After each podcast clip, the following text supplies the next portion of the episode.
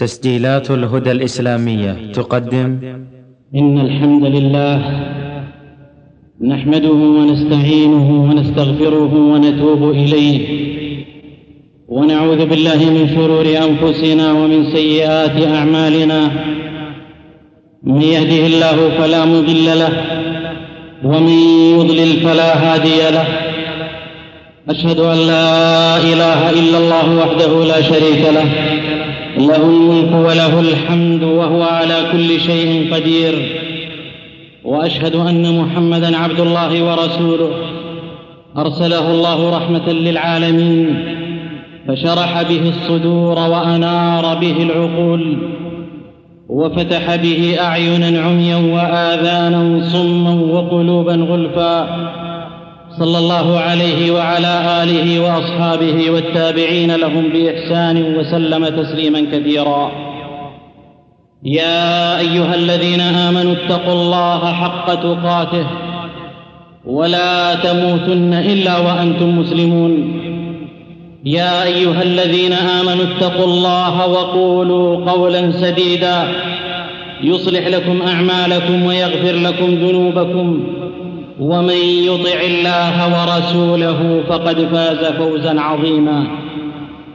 أما بعد عباد الله أوصيكم ونفسي بتقوى الله وأن نقدم لأنفسنا أعمالا تبيض وجوهنا يوم نلقى الله يوم لا ينفع مال ولا بنون إلا من أتى الله بقلب سليم. ثم اعلموا علم يقين أن حكمة الله اقتضت أن يكون الحق والباطل في خلاف دائم وصراع مستمر إلى أن يرث الله الأرض ومن عليها. كل ذلك ليميز الله الخبيث من الطيب. فمذ بزغ نجم هذا الدين وأعداؤه من يهود ونصارى ومشركين يحاولون القضاء عليه بكل ما يستطيعون. يريدون ليطفئوا نور الله بأفواههم والله متم نوره ولو كره الكافرون.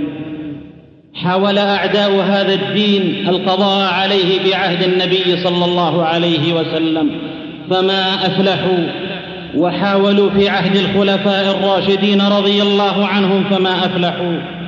ثم في العصور المتأخرة إلى وقتنا هذا وهم يحاولون دائبين بالعنف والصراع المسلح تارة.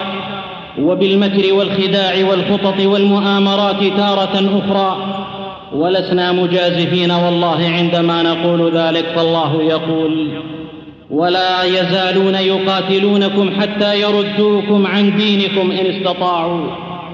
والله جل وعلا يقول ولن ترضى عنك اليهود ولا النصارى حتى تتبع ملتهم. هذه شهادة الله على أعدائنا بما يريدونه منا. وأي شهادة أعظم من من شهادة الله وأصدق؟ والتاريخ في ماضيه وحاضره يشهد بذلك. لكن أنى لهم أن يفلحوا ما تمسكنا بكتابنا وسنة نبينا محمد صلى الله عليه وسلم. كل العدا قد جندوا طاقاتهم. ضد الهدى والنور ضد الرفعة. إسلامنا هو درعنا وسلاحنا ومنارنا عبر الدجى في الظلمة. هو بالعقيدة رافع أعلامه. فامشي بظل لوائها يا أمتي. لا الغرب يقصد عزنا كلا ولا شرق التحلل إنه كالحية. الكل يقصد ذلنا وهواننا. أفغير ربي منقذ من شدتي.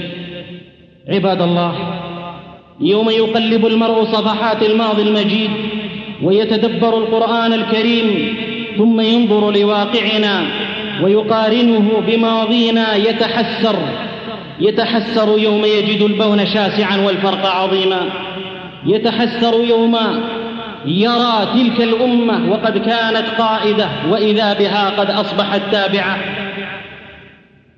ثم يدرك أن السبب هو بعدنا عما كان عليه أسلافنا ويتساءل المرء متى ينزاح هذا السواد الحالك من الذل والمسكنة؟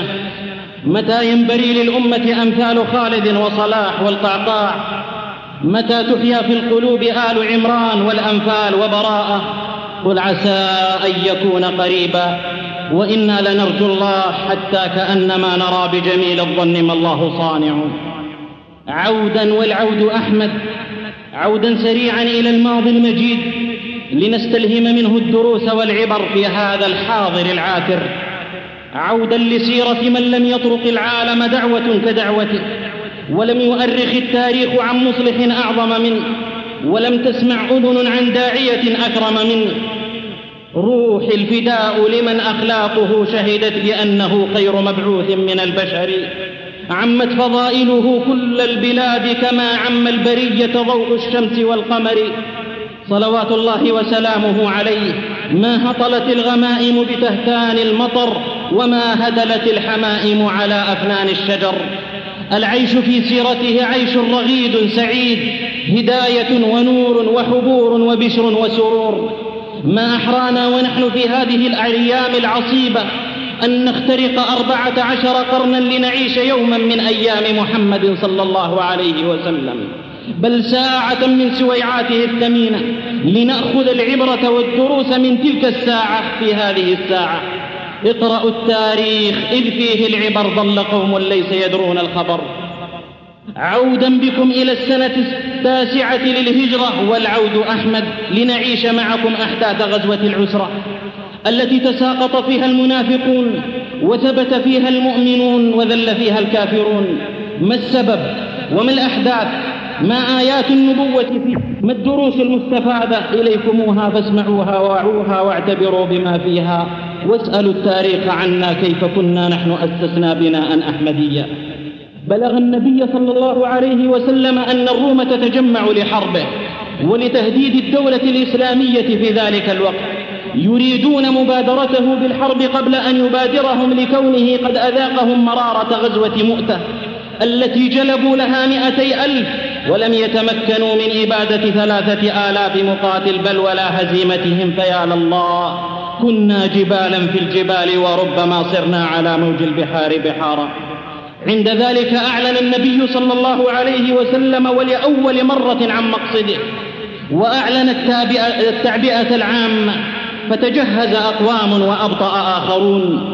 تجهز ثلاثون ألف مقاتل قد باعوا أنفسهم من الله وأعلنوا نصرة لا إله إلا الله. تساقط المنافقون ومن يرد الله ومن يرد الله فتنته فلن تجد له سبيلا. ها هو أحد المنافقين. يقول المصطفى صلى الله عليه وسلم له هل لك في جلاد بني الأصفر يعني الروم؟ فيقول يا رسول الله إذن لي ولا تفتني. ووالله لقد عرف قومي أنه ما من رجل أشد عجبا بالنساء مني وإني أخشى إن رأيت نساء بني الأصفر ألا أصبر. فر من الموت وفي الموت وقع. أعرض عنه صلى الله عليه وسلم وعذره. لكن الذي يعلم خائنة الأعين والذي لا يخفى عليه شيء في الأرض ولا في السماء فضحه وأذله وأنزل فيه قرآنا يتلى. ومنهم من يقول ائذن لي ولا تفتني ألا في الفتنة سقطوا وإن جهنم لمحيطة بالكافرين. ويتخلف أناس آخرون عن الخروج لا رغبة بأنفسهم عن نفس رسول الله صلى الله عليه وسلم لكن غلبتهم نفوسهم لصعوبة الظرف واشتداد الحر. قد آن أوان الرطب وظلال الأشجار فاعتذروا بعد عودة رسول الله صلى الله عليه وسلم وقبل عذرهم وتاب الله عليهم. وأرجأ توبة ثلاثة منهم امتحانا لهم فمحصوا حتى ضاقت عليهم الأرض بما رحبت وضاقت عليهم أنفسهم. وظنوا أن لا ملجأ من الله إلا إليه ثم تاب عليهم ليتوبوا إنه تواب رحيم. ويأتي سبعة رجال مؤمنين صادقين لكنهم فقراء لم يجدوا زادا ولا راحلة وعز عليهم التخلف. نيات صادقة لكن ليس هناك عدة. فأتى رسول الله صلى الله فأتوا رسول الله صلى الله عليه وسلم يقولون يا رسول الله لا زاد ولا راحلة ويبحث لهم صلى الله عليه وسلم عن زاد ولا راحلة عن زاد وراحلة فلا يجدوا ما يحملهم عليه فيرجعوا وأعينهم تفيض من الدمع حزنا ألا يجدوا ما ينفقون. يا لله ظل السيف للمسلم مثل ظل حديقة خضراء تنبت حولها الأزهار. وتدنو ثمار المدينة ويشتد الحر ويبتلي الله من يشاء من عباده. أحسب الناس أن يتركوا أن يقولوا آمنا وهم لا يفتنون. ويخرج صلى الله عليه وسلم. ويستخلف على أهل بيته علي رضي الله عنه ويخيم صلى الله عليه وسلم في ثنية الوداع ومعه ثلاثون ألفا. ويأتي المنافقون الذين لا يتركون دسائسهم وإرجافهم على مر الأيام يلاحقون أهل الخير والاستقامة يلمزون ويهمزون ويتندرون ويسخرون سخر الله منهم ويستهزئون والله يستهزئ بهم. يأتون إلى علي رضي الله عنه ويقولون ما خلفك رسول الله صلى الله عليه وسلم إلا استثقالا لك يريد التخفف منك. وعلي بشر تأثر لذلك ولبس درعة وشهر سيفه يريد الجهاد في سبيل الله ويلحق برسول الله صلى الله عليه وسلم. ويعتنق رسول الله صلى الله عليه وسلم ويقول يا رسول الله زعم الناس أنك استثقلتني فخلفتني في النساء والصبيان فتهراق دموعه صلى الله عليه وسلم ويقول كذبوا يا علي فاخلفني في أهلك وأهلي أما ترضى أن تكون مني بمنزلة هارون من موسى إلا أنه لا نبي بعدي. فيقول بلسان الحال بلى رضيت بلى رضيت وعاد رضي الله عنه يدعو جهارا لا إله سوى الذي خلق الوجود وقدر الأقدار. وقبل مسير الحبيب محمد صلى الله عليه وسلم تقوم فرقة للصد عن سبيل الله تثبط الناس. بعد أن اجتمعت في بيت أحدها تقول وهي تزهد في الجهاد لا تنفر في, لا تنفر في الحر تشكك في الحق وترجف برسول الحق ويتولى الحق سبحانه الرد. وقالوا لا تنفروا في الحر قل نار جهنم أشد حرا لو كانوا يفقهون.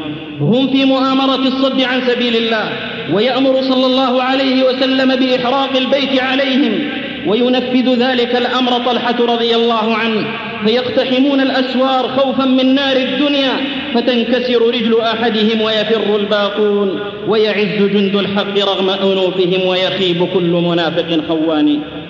ويتوجه صلى الله عليه وسلم ويمر بديار ثمود وما أدراكم ما تلك الديار؟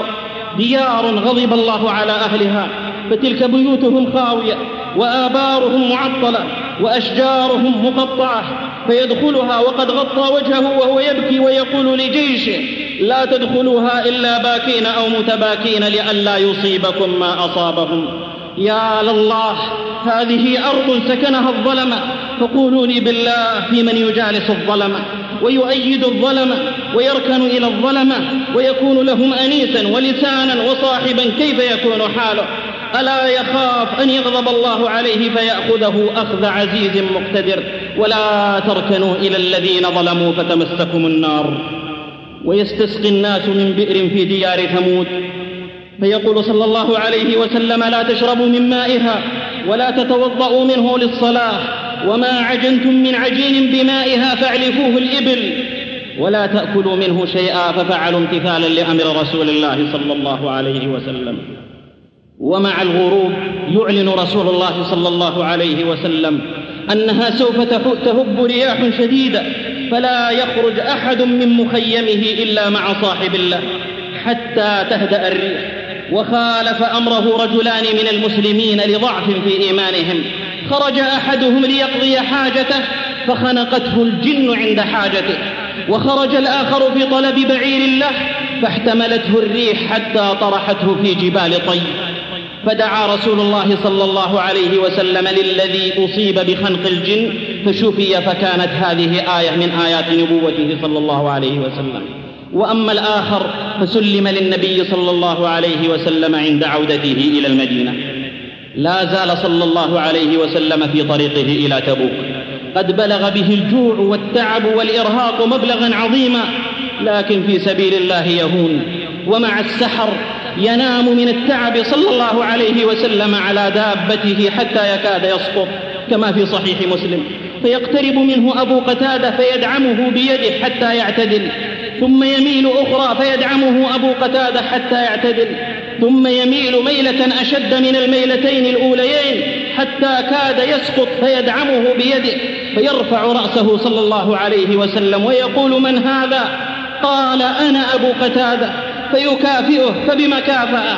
قال حفظك الله بما حفظت نبي الله يا أبا قتادة يا أبا قتادة. يقول أهل العلم فوالله ما زال أبو قتادة محفوظا بحفظ الله في أهله وذريته ما أصابهم سوء حتى ماتوا. وهذا درس عظيم فإن من حفظ الله حفظه الله. لا خوف عليه إن صنائع المعروف تقي مصارع السوء وما جزاء الإحسان إلا الإحسان. وينزل صلى الله عليه وسلم والمؤمنون منزلا يقول عمر في ذلك المنزل وقد أصابنا عطش عظيم حتى ظننا أن رقابنا ستنقطع حتى إن الرجل لينحر بعيره فيعتصر فرثه فيشربه. وتظل راحلة النبي صلى الله عليه وسلم ويخرج أصحابه يبحثون عنها فيقوم أحد المنافقين فيقول يزعم محمد أنه نبي ويخبركم بخبر السماء وهو الآن لا يدري أين ناقته. ويأتي جبريل رسول الله صلى الله عليه وسلم بالخبر. ويقول إن رجلا منكم يقول إن محمدا يزعم أنه نبي ويخبركم بأمر السماء وهو لا يدري أين ناقته. وإني والله ما أعلم إلا ما علمني الله. وقد دلني عليها وقد دلني الله عليها يقوله النبي صلى الله عليه وسلم. هي في هذا الوادي في شعب كذا قد حبستها شجرة بزمامها فانطلقوا حتى تأتوني بها. فذهبوا فوجدوها كما ذكر صلى الله عليه وسلم وظهرت آية نبوته وفضح هذا المنافق وطرد عدو الله من جيش محمد رسول الله صلى الله عليه وسلم. ويمضي صلى الله عليه وسلم في مسيره إلى تبوك ويتخلف عنه بعض المسلمين فيقول الصحابة فلان تخلف يا رسول الله فيقول دعوه إن يك فيه خير فسيلحقه الله بكم وإن يك غير ذلك فقد أراحكم الله منه. ويتأخر أبو ذر بعيره هزيل أبطأ به بعيره فترك بعيره وأخذ متاعه وحمله على ظهره. وينزل رسول الله صلى الله عليه وسلم في بعض منازله على الطريق. وينظر ناظر المسلمين ويقول يا رسول الله رجل يمشي على الطريق وحده متاعه متاعه على ظهره. فقال صلى الله عليه وسلم كن أبا ذر كن أبا ذر. فيتأمل الصحابة ثم يقولون هو والله أبو ذر يا رسول الله. فقال صلى الله عليه وسلم رحم الله أبا ذر يمشي وحده ويموت وحده ويبعث وحده. وتمضي الأيام على هذه المقولة وتمضي الأعوام وينفى أبو ذر إلى الربذة ويحضره الموت هناك وليس معه إلا امرأته وغلامه. وقبل موته أوصاهما أن يغسلاه ويكفناه ويضعاه على الطريق وأول ركب يمر بهم يقول هذا أبو ذر صاحب رسول الله صلى الله عليه وسلم فأعينونا على دفنه ويفعلان ذلك ويأتي عبد الله بن مسعود برهط من أهل العراق ليعتمروا وما راعهم إلا الجنازة على قارعة الطريق كادت الإبل أن تطأها عندها قام غلام أبي ذر وقال هذا أبو ذر صاحب رسول الله صلى الله عليه وسلم فأعينونا على دفنه. فاندفع عبد الله بن مسعود باكيا يقول صدق رسول الله تمشي وحدك وتموت وحدك. ثم نزل هو وأصحابه فدفنوه ودموعهم تهراق على خدودهم وليس الذي يجري من العين ماؤها ولكنها روح تسيل فتقطر وينتهي المسير بمحمد صلى الله عليه وسلم إلى تبوك. ويقيم بضع عشرة ليلة حافلة بالأحداث المثيرة. روى البيهقي من حديث يزيد بن هارون أنه صلى الله عليه وسلم لما نام ليلة في تبوك. أتاه جبريل عليه السلام وقال يا رسول الله قم صل صلاة الغائب على معاوية بن معاوية الليثي. فقد توفي بالمدينة. من يا ترى معاوية؟ صالح عابد يذكر الله قائما وقاعدا وعلى جنب وكان صلى الله وكأن صلى الله عليه وسلم يتساءل لما فأخبر أنه كان يقرأ قل هو الله أحد قائما وقاعدا وعلى جنب بالليل والنهار. وقد توفي بالمدينة وصلي عليه هناك وشهد الصلاة عليه صفان من الملائكة في كل صف سبعون ألف ملك. فلا إله إلا الله. قام صلى الله عليه وسلم وصلى عليه وكان قد سافر صلى الله عليه وسلم إلى تبوك وهو مريض فهنيئا له دعاء رسول الله صلى الله عليه وسلم وصلاة الملائكة عليه. لا زالت الأحداث المثيرة تتوالى في تبوك. يقول ابن مسعود رضي الله عنه ونمنا تلك الليلة وانتبهت في وسط الليل فالتفت إلى فراش رسول الله صلى الله عليه وسلم فلم أجده إلى فراش أبي بكر فلم أجده إلى فراش عمر فلم أجده وإذ بنار وسط الليل تضيء آخر المعسكر. فذهبت أتبعها فإذا برسول الله صلى الله عليه وسلم. قد حفر قبرا ومعه أبو بكر وعمر. وعند رسول الله صلى الله عليه وسلم سراج بيده. قد نزل وسط القبر. قال قلت يا رسول الله من الميت؟ قال هذا أخوك عبد الله ذو البجادين من هو؟ إنه أحد الصحابة. حلت به سكرات الموت في الليل. فقام صلى الله عليه وسلم وشهد موته وودعه ودعا له وحفر قبره بيده الشريفة وأيقظ أبا بكر وعمر يقول ابن مسعود فوالذي لا إله إلا هو ما نسيت قوله صلى الله عليه وسلم وهو في القبر وقد مد ذراعيه لذي البجادين وهو يقول لأبي بكر وعمر أدنيا إلي أخاكما فدلياه في القبر ودموعه صلى الله عليه وسلم تتساقط على الكفن ثم وقف صلى الله عليه وسلم لما وضعه في القبر رافعا يديه مستقبلا القبلة يقول اللهم إني أمسيت عنه راضيا فرض عنه اللهم إني أمسيت عنه راضيا فرض عنه. يقول ابن مسعود يا ليتني كنت صاحب الحفرة لأنال دعاءه صلى الله عليه وسلم. من هو ذو البجادين إنه صحابي جليل أسلم وكان تاجرا فأخذ أهله وقومه ماله كله. لأنه آمن وهم يريدون له الكفر. أخذوا حتى لباسه فذهب فما وجد لباسا غير شملة قطعها إزارا ورداء بجادين وفر بدينه يريد الله والدار الآخرة. قدم على المصطفى صلى الله عليه وسلم في البجادين. وأخبر صلى الله عليه وسلم بخبره فقال تركت مالك لله ولرسوله أبدلك الله ببجاديك إزارا ورداء في الجنة أنت ذو البجادين. فلقب من تلك اللحظة بذي البجادين وكان مصرعه في تبوك ومضى الركب وخلفوه هناك لكنهم يجتمعون معه في جنة عرضها السماوات والأرض يوم لا يخزي الله النبي والذين آمنوا معه نورهم يسعى بين أيديهم وبأيمانهم. ويقيم صلى الله عليه وسلم بتبوك ويدنو من الروم ويفزعهم ويكاتب رسلهم ويفرض عليهم الجزية وهم صاغرون. ولم يلق كيدا منهم لأن الله قد نصره بالرعب مسيرة شهر. فلم يقرب إليه الروم خوفا وفزعا. وقد كانوا قبل قد عزموا على غزوه في عقر داره. إنهم يكيدون كيدا وأكيد كيدا فمهل الكافرين أمهلهم رويدا. ويرسل صلى الله عليه وسلم خالدا على رأس أربعمائة مجاهد في سبيل الله. إلى أكيدر ملك دومة الجندل. ويخبر صلى الله عليه وسلم خالدا أنه سيلقاه يصيد بقر الوحش. خرج خالد ولما بلغ قريبا من حصنه وجده قد خرج للصيد كما أخبر النبي صلى الله عليه وسلم. فتلقته خيل الله بقيادة خالد فاستأسرته. واستلب خالد منه قباء مخوصا بالذهب مخوصا بالذهب. قميصا مخوصا بالذهب وبعث به إلى رسول الله صلى الله عليه وسلم قبل قدومه عليه.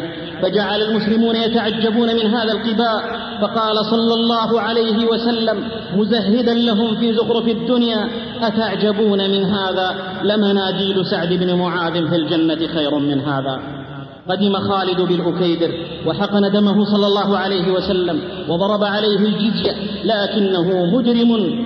ولو علم الله فيه خيرا لأسمعه. نقض العهد في عهد أبي بكر فقتله خالد رضي الله عنه وأرضاه. وهكذا نصر الله جنده وأولياءه ورسله وعباده. في الحياة الدنيا وينصرهم يوم يقوم الأشهاد. عباد الله ويعود صلى الله عليه وسلم إلى المدينة. بعد إرهاب أعداء الله من نصارى ويهود ومشركين يعود في يوم بهيج لتستقبله المدينة لتستقبل نور بصرها صلى الله عليه وسلم. يخرج الأطفال في فرح ليصطفوا على مداخل المدينة وعلى أفواه الطرقات لاستقبال رسول البرية صلى الله عليه وسلم. أصواتهم كما حقق ابن القيم عليه رحمة الله طلع البدر علينا. من ثنيات الوداع وجب الشكر علينا ما دعا لله داع. أيها المبعوث فينا جئت بالأمر المطاع جئت شرفت المدينة مرحبا يا خير داع. وهنا قال صلى الله عليه وسلم إن بالمدينة رجالا ما سرتم مسيرا ولا قطعتم واديا ولا وطئتم موطئا يغيظ الكفار إلا كانوا معكم حبسهم العذر. قالوا يا رسول الله وهم بالمدينة؟ قال نعم وهم بالمدينة. ويتبسم صلى الله عليه وسلم ويمسح الرؤوس ويقبل ويدعو وهكذا انتصر المسلمون في تبوك على شهواتهم وأنفسهم. وبالتالي انتصروا على أعدائهم ولينصرن الله من ينصره. إن الله لقوي عزيز. هذه غزوة تبوك. قائدها محمد صلى الله عليه وسلم. جنودها صحابته رضوان الله عليهم. عز فيها المؤمنون. وسقط المنافقون. وذل الكافرون وانهزموا وبالجهاد في سبيل الله لإعلاء كلمة الله ينصر المؤمنون. والمؤمنون على عناية ربهم يتوكلون. لا خوف يرهبهم ولا هم في الحوادث يحزنون. اللهم أنت الناصر لدينك والمعز لأوليائك. افتح لنا فتحا مبينا. وانصرنا نصرا عزيزا. واجعل لنا من لدنك سلطانا نصيرا. اللهم ثبت أقدامنا وزلزل أعداءنا. اللهم أدخل الرعب في قلوبهم واستاصل شأفتهم واقطع دابرهم وأبد خضراءهم واجعل تدبيرهم تدميرهم وأورثنا أرضهم وديارهم وأموالهم. وكن لنا وليا وبنا حفيا. يا من نصرت بماض ضعف أمتنا على الطواغيت عجل نصرنا الثاني. أقول ما تسمعون وأستغفر الله فاستغفروه إنه هو الغفور الرحيم. الحمد لله رب العالمين. أشهد أن لا إله إلا الله وحده لا شريك له. وأشهد أن محمدا عبده ورسوله صلى الله عليه وعلى آله وأصحابه والتابعين لهم بإحسان وسلم تسليما كثيرا. أما بعد عباد الله ها قد عشتم بعض أحداث غزوة تبوك.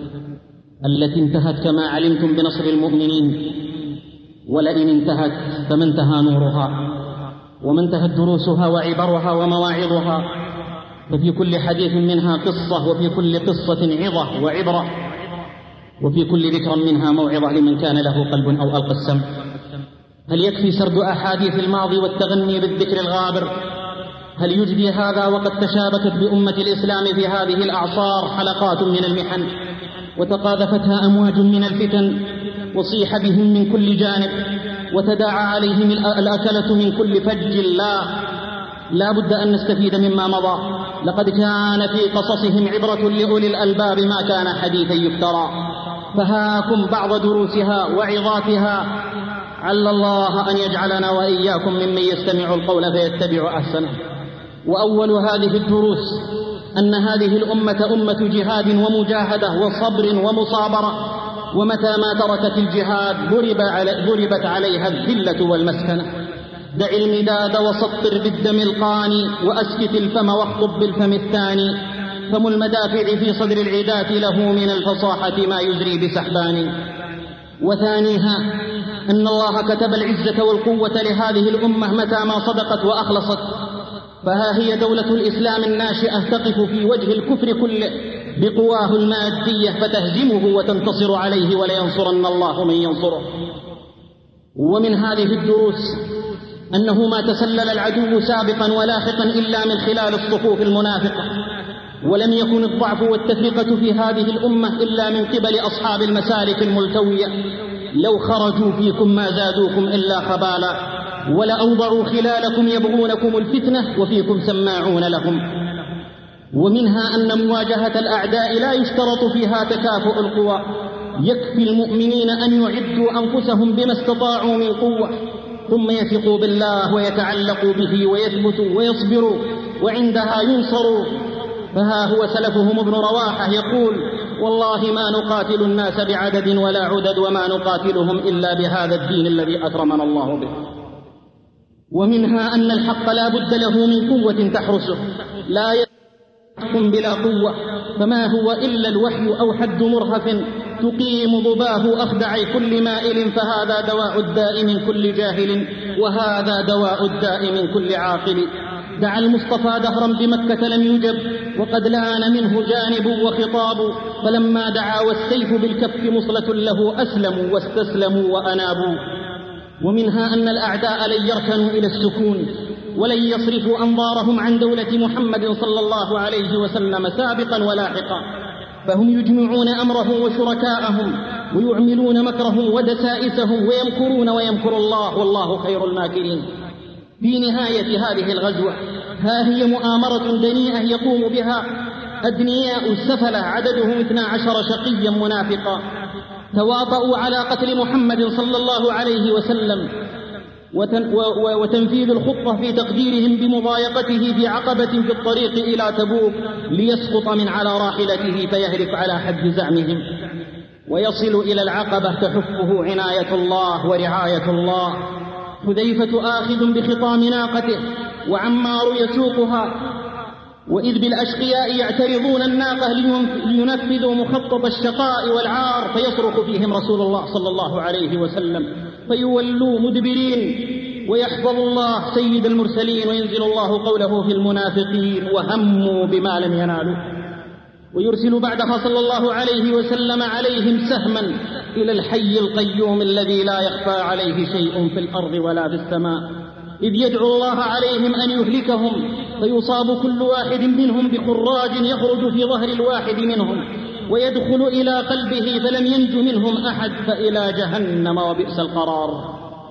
ومن دسائس أعداء الله أنهم أرسلوا لكعب بن مالك رضي الله عنه يوم أمر النبي صلى الله عليه وسلم بهجره. أرسلوا إليه يقولون له بلغنا أن صاحبك جفاك ولم يجعلك الله بدار هوان ولا مضيعة. فالحق بنا نواسك لكن كعبا مؤمن علم أن هذا من الابتلاء فيمم التنور فأوقد أوقده بالرسالة وما كيد الكافرين إلا في ضلال. عباد الله هذا هو ديدن أعداء الإسلام في الغابر والحاضر في كل زمان ومكان.